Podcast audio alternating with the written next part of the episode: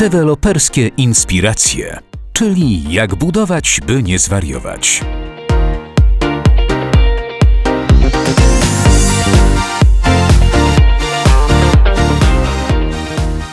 Podcast 3D i State. Witamy Was bardzo serdecznie. Aneta Kuberska. Krzysztof Kuniewicz. 24 lipca bieżącego roku prezydent Andrzej Duda podpisał ustawę z dnia 7 lipca 2023 roku o zmianie ustawy o planowaniu i zagospodarowaniu przestrzennym. Jak tłumaczy rząd na swoich stronach, reforma systemu planowania i zagospodarowania przestrzennego ma na celu zapewnienie zrównoważonego rozwoju kraju przy zachowaniu ładu przestrzennego i uwzględnieniu interesu publicznego. O co chodzi w praktyce i jak nowe prawo zmieni sytuację na rynku nieruchomości? Z tymi pytaniami udaliśmy się do eksperta z PZFD, Michała Leszczyńskiego. Punktem wyjścia do każdej reformy planowania w Polsce zawsze jest takie zawołanie: zróbcie coś z tymi WZ-kami. Dojmującym przykładem tego, jak ten system nie działa, jest to, że państwo polskie się z niego wyłączyło jako pierwsze, ponieważ od roku 2003 albo 2008, zależy jak liczyć, uchwalono już kilkanaście specustaw inwestycyjnych, w związku z czym te wszystkie inwestycje publiczne nie korzystają z tych rozwiązań systemu, z którego musi korzystać w Polsce prywatny inwestor prywatny biznes. Powstaje wiele raportów na temat tego chociażby ile polska gospodarka traci na niekontrolowanej suburbanizacji. Są to kwoty idące w dziesiątki miliardów złotych rocznie. Chodzi o koszty takie jak na przykład koszty realizacji infrastruktury wodno-kanalizacyjnej dla rozproszonej zabudowy, koszty dojazdów do pracy itd. Tak Jakie zatem zmiany wprowadza reforma? Co zrobi z WZ-kami? Co kryje się pod skrótem ZPI? O tym wszystkim szczegółowo opowiada nasz gość. Mówi także o praktycznych konsekwencjach wprowadzenia nowego prawa. Bez wątpienia urzędy gmin będą zasypane tysiącami wniosków o wydanie decyzji o warunkach zabudowy. Wszyscy, którzy dotychczas tych decyzji nie uzyskiwali, będą próbowali to zrobić, ewentualnie uzyskać nowe decyzje na lepszych warunkach, powołując się chociażby na rozwijające się otoczenie inwestycji. Będzie więc i wyjaśnienie teorii, i przybliżenie skutków nowego prawa, z których powinni zdawać sobie sprawę już dziś wszyscy inwestorzy. Wszyscy chcielibyśmy, żeby polskie miasta się rozwijały w sposób zrównoważony, żeby ludzie mieszkali, pracowali w miejscach, które są blisko transportu, infrastruktury społecznej, infrastruktury technicznej. I oczywistym jest, że państwo powinno dbać o to, żeby tereny inwestycyjne, które są zabudowywane, były blisko takiej infrastruktury. I my, wypowiem się w imieniu PZFD, popieramy każde rozwiązanie, które poprawi ten stan. Natomiast powiedzmy sobie też jasno, deweloperzy nie są odpowiedzialni za realizację całej infrastruktury miast. Jest to co do zasady zadanie gmin, powiatów, województw i powinna nastąpić lepsza koordynacja w uruchamianiu takich terenów inwestycyjnych. Jeżeli ta ustawa to narzuci poprzez te normatywy urbanistyczne, to świetnie, aczkolwiek ja nie wierzę w to, żeby napisanie tego spowodowało ten rezultat. Powiedzieliśmy o ryzykach. Powiedzmy teraz może o tych pozytywach, które wynikną z tej ustawy. Wytniesz dziurę? Muszę się zastanowić. Oczywiście. no właśnie. Warto się nad tym wszystkim zastanowić, a jeszcze bardziej warto o tym posłuchać w naszej rozmowie.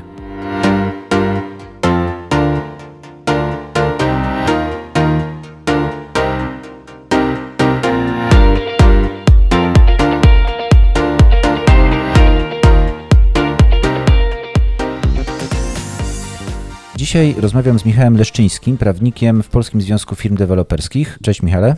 Cześć. Będziemy rozmawiać o ustawie z 7 lipca, o zmianie ustawy o planowaniu i zagospodarowaniu przestrzennym oraz zmianie niektórych innych ustaw. Oczekuje ona na publikację w Dzienniku Ustaw, więc stanie się prawem i wiemy, że powinno to nastąpić przed 24 sierpnia. Wiemy, że to jest potężna zmiana, którą nazwano już reformą planowania przestrzennego. Polski Związek Firm Deweloperskich już organizuje szkolenia na ten temat. Szkolenia już się odbywają, kolejne szkolenia są planowane. Michale, o co chodzi z tą reformą? Po co ta reforma? Jak ją rozumieć? Dlaczego w ogóle została wprowadzona? W wielkim skrócie, wszyscy obecnie narzekają na to, jak w Polsce wygląda system planowania przestrzennego. Inwestorzy narzekają na jego niestabilność, nieprzewidywalność, długi czas oczekiwania na plany, problemy z uzyskaniem WZ.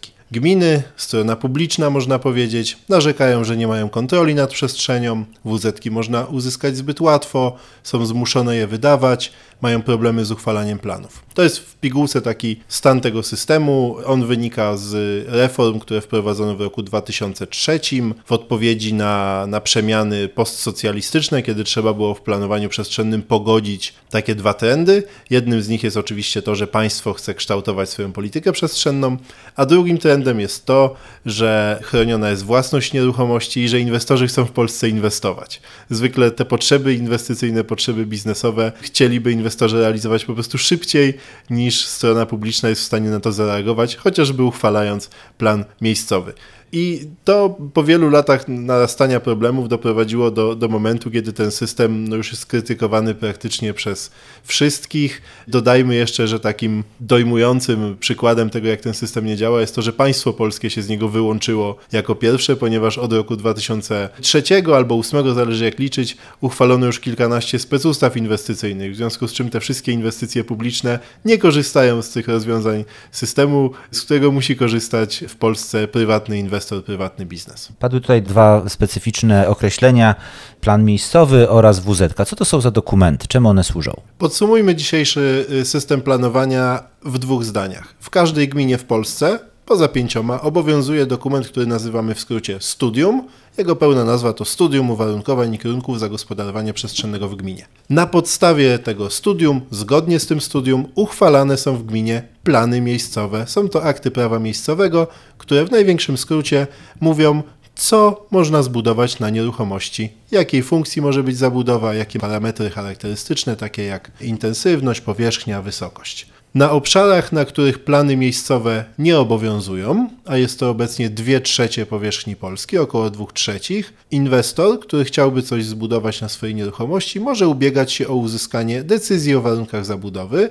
Ta decyzja nazywana jest w skrócie i dość pieszczotliwie WZ-ką. Co nie działało z tymi WZ-kami? Jakie problemy napotykali inwestorzy? WZ wymyślono jako narzędzie uzupełniania zabudowy na obszarach, które są już zurbanizowane. Jej praktyczne stosowanie, wsparte orzecznictwem sądów administracyjnych, rozszerzyło zakres jej stosowania i o ile w miastach WZ jest dość elastycznym i przydatnym instrumentem uzupełniania zabudowy, realizacji wielu inwestycji, również dużych wieloobiektowych, to na obszarach niezurbanizowanych, na obszarach wiejskich ta WZ jest praktycznie samodzielnie odpowiedzialna za zjawisko niekontrolowanej suburbanizacji Polsce, które no, jest już tak posunięte, jest tak rozwinięte, że powstaje wiele raportów na temat tego chociażby ile polska gospodarka traci na niekontrolowanej suburbanizacji. Są to kwoty idące w dziesiątki miliardów złotych rocznie. Chodzi o koszty takie jak na przykład koszty realizacji infrastruktury wodno-kanalizacyjnej dla rozproszonej zabudowy, koszty dojazdów do pracy i tak dalej. Powiedzieliśmy sobie o problemach, teraz rozwiązanie, czyli wspomniana reforma. Co ona wprowadza, co ona zmienia?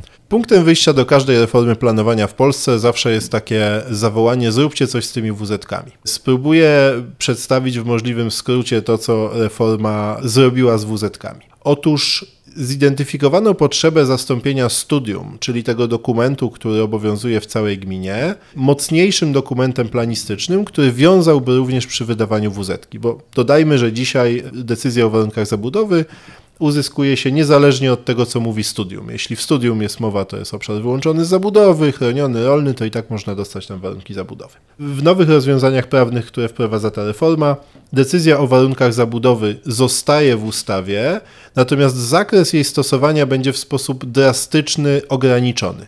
Ograniczy WZ przede wszystkim plan ogólny, czyli ten nowy dokument, który będzie uchwalany w miejsce studium. Po pierwsze, WZ będzie musiała być z nim zgodna, jeśli chodzi o funkcję zabudowy, czyli na przykład mieszkaniowa, usługowa, produkcyjna. Po drugie, będzie musiała być zgodna, jeśli chodzi o parametry tej zabudowy, dostęp do infrastruktury społecznej, o tym zaraz powiemy więcej.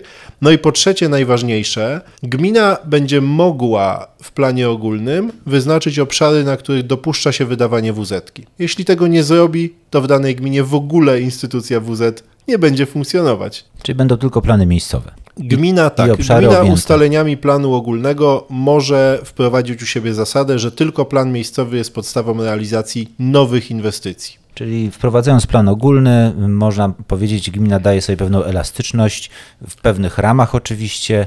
Czy ten plan ogólny to jest taka wyłączna prerogatywa władz gminy, co tam się ma znajdować, jaka ma być zabudowa, czy tutaj również są pewne ograniczenia? Każda gmina w Polsce jest ograniczona różnymi zewnętrznymi uwarunkowaniami, takimi jak na przykład ustalenie parku narodowego, ujawnienie złóż kopalin, istnienie zabytków. Jest kilkanaście takich uwarunkowań i one oczywiście ograniczają gminy w tym, jak chciałyby się rozwijać. Są w Polsce gminy, których większość terytorium jest chroniona na różne sposoby. Trwa taka gdzieś tam osobna debata o tym, jak rekompensować im to, że się nie rozwijają. Co do zasady, plan ogólny uchwala gmina sama, sama decyduje o tym, jaki model rozwoju chce przyjąć, czy ma to być bardziej rozwój skoncentrowany na centrum, czy bardziej obejmujący całe terytorium gminy. To, co jest ważną zmianą, co na pewno będzie miało duże znaczenie w nadchodzących procesach konsultacyjnych dokumentów, to to, że większość polityki przestrzennej będzie wyrażona w dokumencie, który nazywa się Strategia Rozwoju Gminy, Gminy dzisiaj mają takie dokumenty, nie muszą, niektóre mają, są one takie ogólne, można powiedzieć przegadane. Natomiast teraz w tym nowym systemie strategia rozwoju gminy będzie zawierać ten pomysł na politykę przestrzenną, bardziej zwarta, bardziej rozproszona. Natomiast plan ogólny będzie bardzo krótkim dokumentem. On będzie się sprowadzał do ustalenia kilku rzeczy. Po pierwsze, podział na strefy funkcjonalne, czyli na jakiej działce jaka funkcja zabudowy może być rozwijana. Po drugie, kilka parametrów zabudowy, takich jak chociażby intensywność, czy wymagana powierzchnia biologicznie czynna, jej udział w powierzchni działki. Po trzecie, gmina będzie mogła, ale nie musiała ustalić standardy dostępu do infrastruktury społecznej. O tym sobie powiedzmy zaraz szerzej, bo to jest jedno z takich krytycznych ograniczeń. No i po czwarte, gmina w planie ogólnym wyznacza właśnie obszar uzupełniania zabudowy, czyli obszar, na którym będzie można wydawać decyzje o warunkach zabudowy. To co ważne w miastach, w planie ogólnym będzie wyznaczany również tak zwany obszar zabudowy śródmiejskiej, czyli obszar, na którym budujemy bardziej zwartą zabudowę, obowiązuje bardziej zwarty normatyw techniczny na etapie pozwolenia na budowę. No właśnie, jakie będą wymogi dotyczące infrastruktury społecznej, które plan ogólny będzie wprowadzał? Jeżeli gmina zdecyduje się w planie ogólnym zawrzeć wymagania dotyczące infrastruktury społecznej, to będzie musiała przede wszystkim odnieść się do dwóch ustawowych standardów. Te standardy dotyczą minimalnej odległości terenów mieszkaniowych od szkoły podstawowej. I tutaj ustawa proponuje 1500 metrów w miastach, 3000 poza miastami. Gmina będzie mogła te współczynniki zmodyfikować w górę, w dół. Drugi standard urbanistyczny ustawowy to jest odległość od terenów zieleni publicznej. I tutaj ustawa ustala kumulatywnie do spełnienia, czyli jeden i drugi punkt musi być spełniony. Półtora kilometra od takiego małego obszaru powyżej 3 hektarów oraz 3 km od obszaru nie mniejszego niż 20 hektarów. Podsumowując, ustawa wprowadza nowy byt, jakim jest plan ogólny. Plan ogólny określa w sposób ogólny, co i jak może być budowane na terenie gminy. Jak rozumiem, na podstawie tego planu będą wydawane wz które muszą uwzględniać jego założenia. Co z tymi starymi wz wydanymi do tej pory? Decyzje o warunkach zabudowy, które mamy wydane dzisiaj, jak również postępowania w toku, są chronione. To znaczy decyzje, które są wydane, nie wygasają, będą ważne bezterminowo. Co ważne, wszystkie decyzje, które uda się uzyskać i uprawomocnić do końca 2025 roku, pozostaną decyzjami bezterminowymi. Ten zasadniczy moment, kiedy zmieniają się zasady uzyskiwania wz to nie jest wejście w życie ustawy, ta wejdzie w życie we wrześniu, to jest moment, kiedy wejdzie w życie plan ogólny w danej gminie. Wówczas przestajemy wydawać wz na starych zasadach, a zaczynamy wydawać te nowe wz tylko na obszarach uzupełnienia zabudowy, tylko zgodnie z ustaleniami planu ogólnego.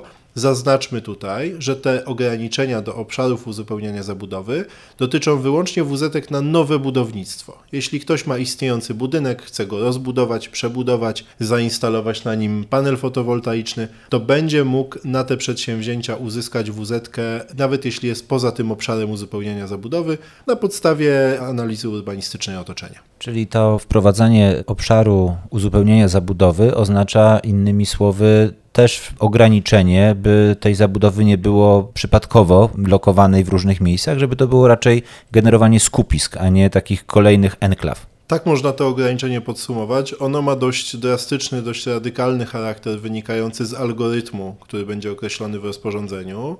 I o ile na obszarach miejskich zwartych to nie doprowadzi do wyłączenia większości obszaru miast z zabudowy, to na obszarach wiejskich przykłady zastosowania tego algorytmu, które już opracowano, pokazują, że w gminach wiejskich obszar, który będzie podlegał możliwości uzyskania WZ, to może być na przykład kilka procent gminy, w tych najbardziej rozproszonych gminach. Do tej pory tylko jedna trzecia terytorium kraju była pokryta planami, nie zawsze w miejscach, w których te plany były potrzebne. Co będzie dalej? Jaki będzie dalszy los tych planów? Wszystkie plany miejscowe, które obecnie obowiązują, jest ich około 26 tysięcy w Polsce, dalej będą obowiązywały. Plan miejscowy pozostaje bezterminowym instrumentem. Ustawa nie przewiduje żadnego masowego uchylania planów, które już uchwalono. Udało się innymi na skutek postulatów branży, wyrażanych też przez środowiska architektów, urbanistów, poprawić sposób określania parametrów budowlanych w planach, tak żeby one lepiej korespondowały z etapem budowania. To dotyczy chociażby współczynnika intensywności zabudowy, który ustawę definiuje jako nadziemny, to znaczy nie obejmujący kondygnacji podziemnych. W planie miejscowym takie mini rewolucje to próba przyspieszenia procedury uchwalania planów poprzez ograniczenie powtarzania etapów tej procedury. Nie będą na przykład powtarzane konsultacje społeczne, co do zasady mają być powtarzane tylko uzgodnienia po wprowadzeniu zmian. Po drugie, pojawia się instytucja uproszczonej zmiany planu miejscowego, uproszczonego uchwalenia albo zmiany. Natomiast z perspektywy biznesu ta instytucja nie wydaje się być super atrakcyjna. To znaczy takie dwa najważniejsze przypadki, kiedy można będzie zmienić plan w procedurze uproszczonej, dotyczą zmiany parametrów zabudowy, czyli wspomnianej wysokości czy intensywności, ale tylko o 10%. Być może to będzie na przykład przydatne narzędzie do dodania gdzieś kondygnacji. Natomiast w zakresie linii zabudowy w trybie uproszczonym można przesunąć tę linię o nie więcej niż 1 metr, 100 centymetrów, nie więcej. Jest też spore ograniczenie wynikające z tego, że w trybie uproszczonym nie można zmieniać planu dotyczącego przedsięwzięć mogących oddziaływać na środowisko, a przy inwestycjach mieszkaniowych, jak wiadomo, takim przedsięwzięciem jest ta część parkingowa z uwagi na dość restrykcyjne krajowe przepisy. W reformie pojawia się też nowe pojęcie zintegrowane plany inwestycyjne. Cóż to takiego jest?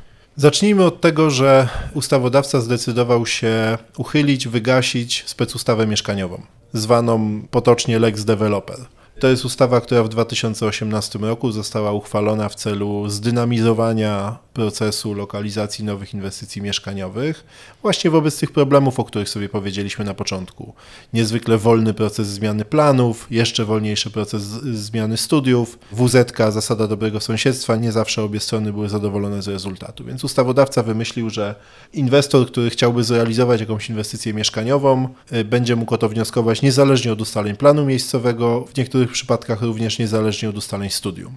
I jako taki przykład stosowania ustawy mieszkaniowej możemy wskazać chociażby służewiec przemysłowy, który zmienia swoją funkcję z biurowej na mieszkaniową i w związku z tym można tam w trybie specustawy mieszkaniowej uzyskać lokalizację inwestycji mieszkaniowych, nie czekając na to, aż zmieni się studium, plany miejscowe dla, dla służewca. To już druga rewolucja tego terenu, bo pierwsza również bez, bez planów miejscowych przebiegła z funkcji produkcyjnej na biurową. Co zrobił ustawodawca? Ustawodawca stwierdził, wygaszamy specustawę mieszkaniową z końcem 2025 roku, czyli za dwa lata, i w miejsce tej uchwały mieszkaniowej wprowadzimy instytucję ZPI.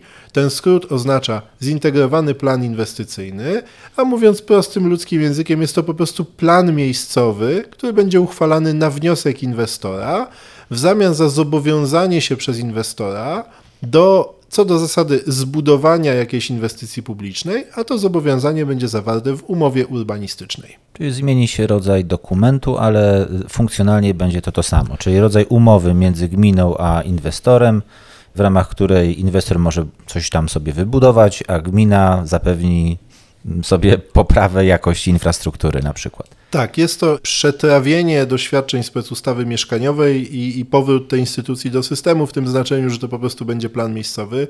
Dodajmy jeszcze, że obecnie w Sejmie trwają prace nad tym, żeby przedłużyć funkcjonowanie specustawy mieszkaniowej, ponieważ ona, mimo dość zmasowanej początkowej krytyki, zaczęła się sprawdzać, zwłaszcza w dużych miastach, zaczęła być instrumentem, który stronie prywatnej pozwala zrealizować inwestycje w takim harmonogramie, jak to jest wymagane, natomiast natomiast stronie publicznej umożliwia przeprowadzenie debaty, wprowadzenie niezbędnych poprawek do tego pomysłu inwestycyjnego i wydaje się, że w wielu inwestycjach w miastach takich jak Warszawa i Łódź obie strony publiczna i prywatna zyskują na tym, że inwestycja jest realizowana w trybie specustawy mieszkaniowej. Zysk publiczny to nie tylko wpływ na kształt tej inwestycji, ale również wymierne inwestycje w szkoły podstawowe, w tereny zieleni, w drogi, które robi deweloper. Tak podsumowując, reforma wprowadzi plan ogólny, który wejdzie w miejsce tych studiów zagospodarowania. Plan, jak sama nazwa wskazuje, jest ogólny, czyli określa pewne ramy, na podstawie których zabudowa może być realizowana. Plany miejscowe, które do tej pory były uchwalone, pozostają w mocy, natomiast ustawa też wprowadza pewne nowe możliwości dotyczące na przykład zmiany tych planów w określonym zakresie. wz dotychczas wydane będą honorowane i zachowują ważność bezterminowo, natomiast nowe wz pod rząd tej ustawy będą wydawane już y, tak, by spełniać kryteria określone w planie ogólnym. No i oczywiście zintegrowany plan inwestycyjny, który ma zastąpić e, specustawę mieszkaniową. To jest rzeczywiście duży, duży zakres. Powiedzmy sobie jeszcze, co ta reforma oznacza dla przeciętnego właściciela nieruchomości. Spróbujmy spojrzeć z perspektywy właściciela gruntu, który nazwiemy gruntem inwestycyjnym. On jest niezabudowany, ma status rolny, nie ma. Po pierwsze, jeśli dla tego gruntu jest uchwalony plan miejscowy i obowiązuje, ta reforma nie wprowadza żadnych istotnych zmian. Plan zostaje, zachowuje swoją ważność, jest bezterminowy, można na jego podstawie uzyskać pozwolenie na budowę. Wejście w życie planu ogólnego w gminie nic nie robi z tym planem miejscowym. On dalej obowiązuje. W drugiej sytuacji, kiedy tego planu nie ma, a właściciel nieruchomości uzyskał decyzję o warunkach zabudowy na swoje wymarzone zamierzenie inwestycyjne, ta decyzja pozostaje dalej w mocy bezterminowo, nawet jeżeli wejdzie plan ogólny. Ona jest dalej, jest bezterminowa, można na jej podstawie wystąpić o pozwolenie na budowę. Komplikuje się sytuacja, kiedy nie ma ani planu, ani WZ. -ki. Ustawa wejdzie w życie gdzieś pod koniec września, to zależy od terminu publikacji w Dzienniku Ustaw. Od tej pory rozpoczyna się okres przejściowy, kiedy można wystąpić o warunki zabudowy jeszcze na starych zasadach. Jeszcze takie warunki, które nie uwzględniają ustaleń studium, nie muszą być z nim zgodne. I teraz, jeśli w tym okresie przejściowym gminie uda się uchwalić wcześniej plan ogólny, no to oczywiście wz będą musiały być wydawane zgodnie z planem ogólnym na tych nowych zasadach. Jeżeli do końca 2025 roku gmina nie uchwali planu ogólnego, to ustawodawca zdecydował, że ukaże ją w ten sposób, że zamiera tam działalność inwestycyjna. Nie będzie można uzyskać warunków zabudowy, nie będzie można uchwalić planu miejscowego do momentu, kiedy gmina plan ogólny uchwali. Czy to realne, żeby gminy sobie poradziły w tym okresie? Nie, uchwalenie planów ogólnych do końca 2025 roku nie jest realne. Nie jest to pogląd nasz, branży deweloperskiej, tylko gmin które w, w, sposób wielokrotny w toku procedowania tej ustawy wskazywały na to, że nie uchwalą planów ogólnych do końca 2025 roku. A zatem co ma zrobić właściciel gruntu, który prześpi te dwa lata i się okaże, że nie ma planu ogólnego? Przez te dwa lata, jeśli nie będzie planu ogólnego, to tak jak mówiłem, zamiera działalność inwestycyjna. Natomiast zakładając hipotetycznie, że ten plan zostanie uchwalony, a my nic nie zrobiliśmy ze swoją działką inwestycyjną, nie mamy warunków zabudowy, nie ma planu, to po pierwsze taki właściciel będzie musiał zajrzeć w plan ogólny i zobaczyć, czy jest na obszarze uzupełnienia zabudowy. Jeśli tak, będzie się ubiegał o warunki zabudowy na nowych zasadach. A jeśli się okaże, że jego działka nie jest na obszarze uzupełnienia zabudowy, to? To musi czekać na plan miejscowy i teraz ma dwa wyjścia do wyboru. Może oczywiście biernie czekać, aż gmina ten plan miejscowy uchwali, albo wystąpić o uchwalenie tego planu w trybie ZPI, czyli być inwestorem z ustawy, który zaproponuje gminie pewną inwestycję uzupełniającą, jakąś. Ustawa tutaj żadnych ram finansowych nie określa, a gmina zgodzi się pod tymi warunkami i pod warunkiem zawarcia umowy urbanistycznej, żeby mu taki plan miejscowy uchwalić na tę inwestycję. Czyli generalnie będzie miał drożej konsekwencją takiej zmiany, tak sobie wyobrażam, może być teraz jakiś szturm celem uzyskania tych wuzetek. Bez wątpienia urzędy gmin będą zasypane tysiącami wniosków o wydanie decyzji o warunkach zabudowy. Wszyscy, którzy dotychczas tych decyzji nie uzyskiwali, będą próbowali to zrobić, ewentualnie uzyskać nowe decyzje na lepszych warunkach, powołując się chociażby na rozwijające się otoczenie inwestycji. Michale, podsumujmy dotychczasową rozmowę może w ten sposób. Jakie są szanse, jakie są ryzyka zagrożenia y, związane właśnie z reformą? Zacznę od ryzyk i zagrożeń, bo jest oczywiście łatwiej o nich mówić. Branża deweloperska od lat działa w warunkach dynamicznie zmieniającego się prawa i rosnącej inflacji prawa. Jedną z głównych ról PZFD jest chociażby to, żeby pilnować i informować swoich członków w zakresie otoczenia prawnego i, i robimy to, jest to naprawdę robota 24-7 przy tym tempie zmian prawnych. Ta reforma się dokłada do tego trendu, oferując bardzo radykalne zmiany, na których wdrożenie po stronie gmin jest bardzo mało czasu. I to jest takie krytyczne ryzyko, krytyczne zagrożenie związane z tą reformą. Jeżeli gminy nie uchwalą planów ogólnych w dwa lata, to sparaliżujemy w nich działalność inwestycyjną. Będą jedynie konsumowane dotychczas wydane decyzje i plany. To wydaje się być największym ryzykiem, zwłaszcza w sytuacji, kiedy strona samorządowa wskazuje na dokładnie to samo ryzyko i można powiedzieć, że nasze interesy tutaj są zbieżne. Chcielibyśmy stabilności etapowego wdrażania tak ważnych reform. Niewątpliwie drugim największym ryzykiem związanym z tą reformą jest drastyczny sposób ograniczenia wydawania decyzji o warunkach zabudowy. Tak jak mówiliśmy na wstępie, nikt wz nie będzie bronił jako instrumentu doskonałego, natomiast stopień, w jakim ograniczono wydawanie wz jest bardzo, bardzo istotny i będzie wiele terenów inwestycyjnych, które zostaną bez tego narzędzia, mimo że ono tam by doprowadziło do racjonalnej zabudowy. To, co jest proponowane w zamian, ZPI, plan na wniosek inwestora, jest instrumentem ryzykownym z co najmniej dwóch powodów. Pierwszy jest taki, że jest to znowu zmiana, której musimy się nauczyć. Specustawy mieszkaniowej strona publiczna i prywatna uczyła się kilka lat. Można powiedzieć, że dopiero teraz od roku dwóch ona zaczęła działać. Mamy teraz ZPI, które jest napisane od nowa, trzeba się go nauczyć od nowa, chociażby wprowadzić jakieś tryby konsultacji wstępnych, które są tam ewidentnie potrzebne, żeby po prostu ustalić mniej więcej, jakie są ramy tego, co można inwestować. Po drugie, jest takie zagrożenie, że gminy przestaną planować w zwykłym trybie, to znaczy przestaną uchwalać plany miejscowe i przestawią się wyłącznie na tryb ZPI, gdzie będą czekać, będą biernie czekać na to, aż inwestorzy poprzychodzą z propozycjami po uchwalania planów. Jest to o tyle ryzykowne, że dokłada się do tego stanu, który mamy w Polsce dzisiaj, gdzie można stwierdzić taki systemowy problem tego, że nie ma jasnej ścieżki ustalenia, ile ciężarów publiczno-prawnych jest przypisanych do gruntu inwestycyjnego. Mamy instrumenty, które formalnie są w prawie, w praktyce nie działają. Mamy z kolei instrumenty, które wymyślono jako jakieś poboczne, y, na przykład artykuł 16 ustawy o drogach publicznych. On mówi, że inwestor ma obowiązek zrealizować sieć drogową wokół swojej inwestycji i to się stały główne instrumenty pobierania tych ciężarów publiczno-prawnych od dewelopera.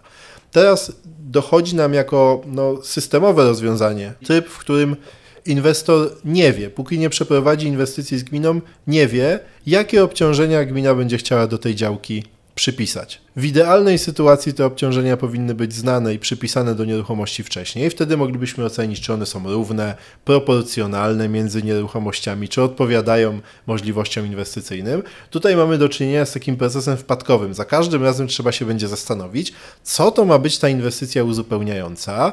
Można tak pejoratywnie po stronie publicznej, może być takie hasło, co by tu wycisnąć z inwestora, tak? Natomiast to jest tylko pozornie komfortowa sytuacja, bo po stronie publicznej, po stronie gmin też będą stresy, problemy związane z tym, że nie ma żadnego poziomu tych świadczeń, tak, które można nie wiadomo, Nie wiadomo, czy wyciśnięto wystarczająco e, dużo na przykład. tak można powiedzieć, ale to używamy takich pojęć oczywiście, jakby gmina coś tam wyciskała, nie wiem, dla siebie personalnie, ale przecież chodzi o to, żeby infrastruktura publiczna powstawała, tak? I no, deweloperzy tutaj, się nie uchylają przed jej realizacją. Tutaj zdecydowanie, powiedzmy sobie też e, dla potrzeb tego podcastu, kiedy deweloper buduje osiedle mieszkaniowe, to obciąża istniejącą infrastrukturę, choćby nawet kanalizację kanalizacyjną, wodną, należy spowodować, żeby ta infrastruktura była wydolna, czyli żeby mieszkańcy, którzy będą mieszkali na danym terenie, nie narzekali na gwałtowny spadek e, wody w kranach, ciśnienia wody, prawda? Więc te inwestycje, czy inwestycje w infrastrukturę mają jak najbardziej duży sens. Tu rozmawiamy o tym, że nie wiadomo, czy nie jest do końca jasne, jakimi kryteriami należy się kierować, by powiedzieć, że te inwestycje, które deweloper ma poczynić, te dodatkowe inwestycje, są odpowiedniej wielkości, adekwatne do sytuacji sytuacji. Tak jest, tak, tak to można podsumować. Nikt się nie uchyla przed obowiązkiem poniesienia tych kosztów. Deweloperzy wydają setki milionów złotych rocznie w polskich miastach na budowy, przebudowy samych dróg publicznych. na podstawie specustawy mieszkaniowej zobowiązują się albo już realizują przebudowy, rozbudowy, budowy szkół podstawowych, terenów zieleni. To wszystko się dzieje.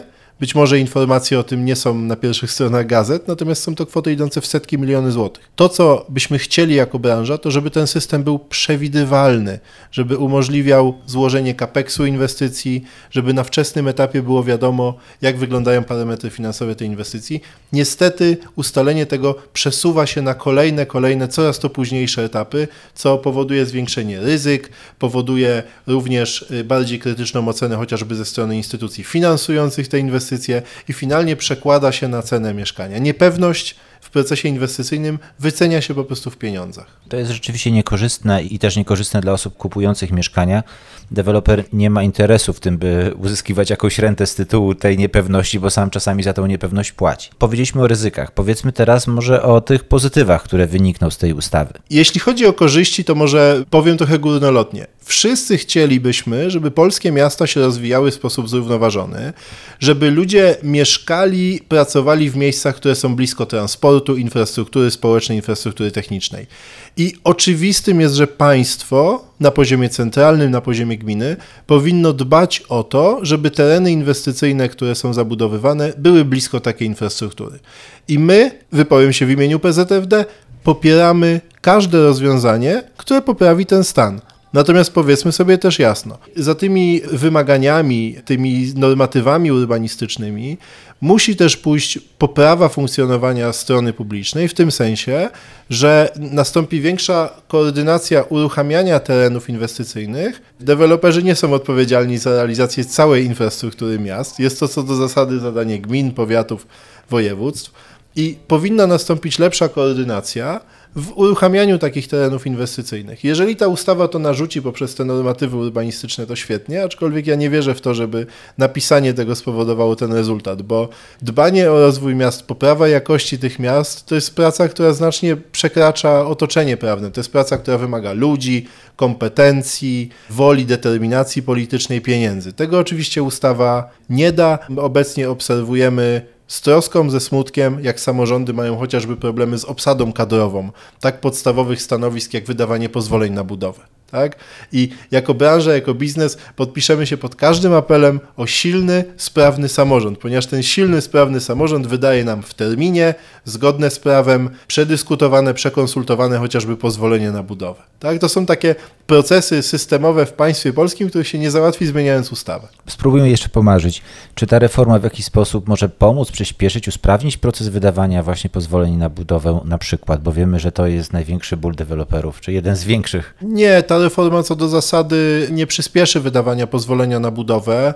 Myślę, że tutaj dużo byłoby do zrobienia na poziomie rozporządzenia o warunkach technicznych. To jest taki akt wykonawczy do prawa budowlanego, którego brzmienie no, determinuje to, jak wyglądają inwestycje. To jest też pewna wada systemowa. My się nie dowiadujemy o ostatecznym kształcie inwestycji na etapie planu miejscowego, tylko właśnie na etapie pozwolenia na budowę przerzuca się coraz więcej, więcej tej dyskusji o inwestycji, przez to te pozwolenia się wydaje coraz dłużej, rosną ryzyka z nimi związane. Tak? Już w tej chwili kupno działki na cele inwestycyjne z planem czy z wz już się staje problemem. Inwestorzy rozglądają się za działką z pozwoleniem na budowę, bo, bo nie są pewni, czy w ogóle jest możliwe skonsumowanie tej wz -ki. To jest taki problem na styku jednej i drugiej ustawy, którego ta reforma też nie adresuje, bo nie byłaby w stanie. Tak? Idealnym załatwieniem tej sprawy byłoby uchwalenie jednego aktu, który by planowanie i prawo budowlane gdzieś tam widział wzajemnie. To się nie dzieje, w związku z czym myślę, że nie ma co liczyć, że w wyniku tej reformy pozwolenia na budowę będą wydawane szybciej. To absolutnie tutaj nie ma, ja, ja nie widzę tutaj nigdzie nadziei w żadnym z przepisów czyli, tego, czyli tego aktu. Za dużo optymizmu z tego jednak nie wynika, czyli pozostajemy na tych powiedzmy górnolotnych, aczkolwiek ważnych aspektach co do samego kształtowania miast i takiego dobrostanu mieszkańców, gdzie można wyznaczać przy pomocy planu ogólnego jakieś ramy.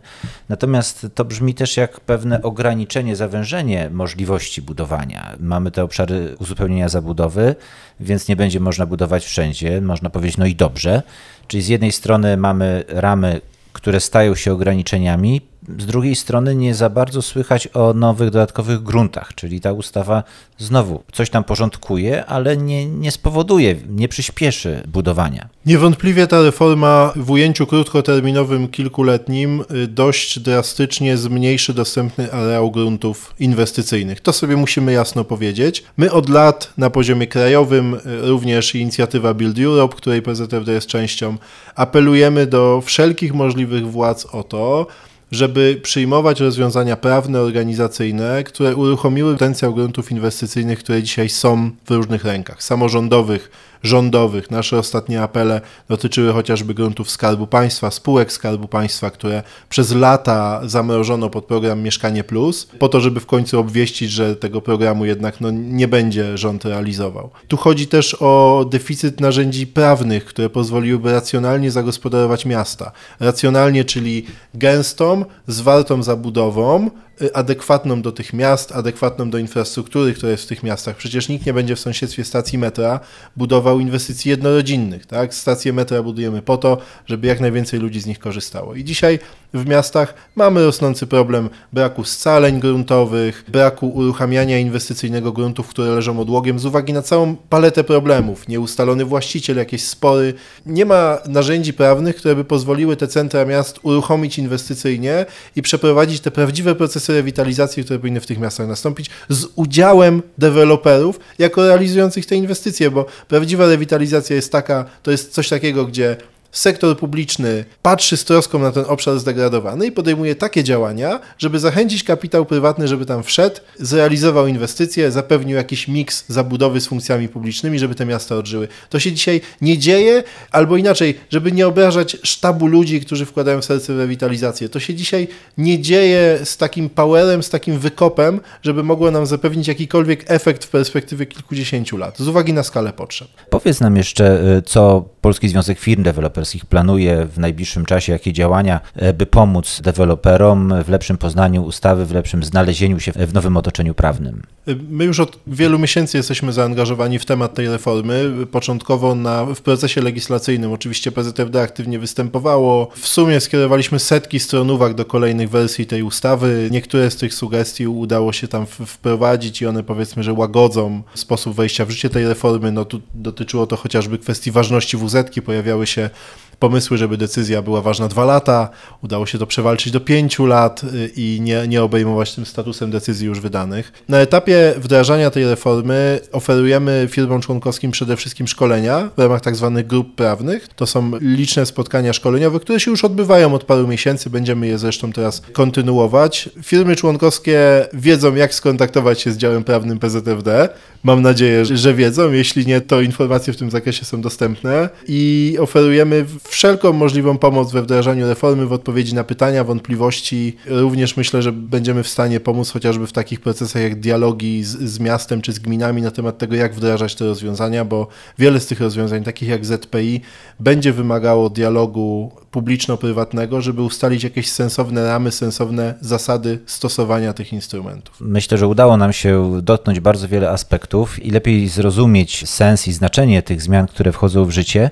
Zachęcamy wszystkich do udziału, do bacznego wypatrywania kolejnych szkoleń PZFD. Na pewno, na pewno pomogą lepiej się znaleźć w tym nowym otoczeniu. Był z nami dzisiaj Michał Leszczyński, prawnik w Polskim Związku Firm Deweloperskich. Michale, bardzo dziękuję za rozmowę i za podzielenie się całkiem dużą dawką wiedzy na temat nowej ustawy. Dziękuję bardzo. Mam nadzieję, że udało mi się w sposób zrozumiały dla Państwa wyjaśnić sto kilkanaście stron tej reformy.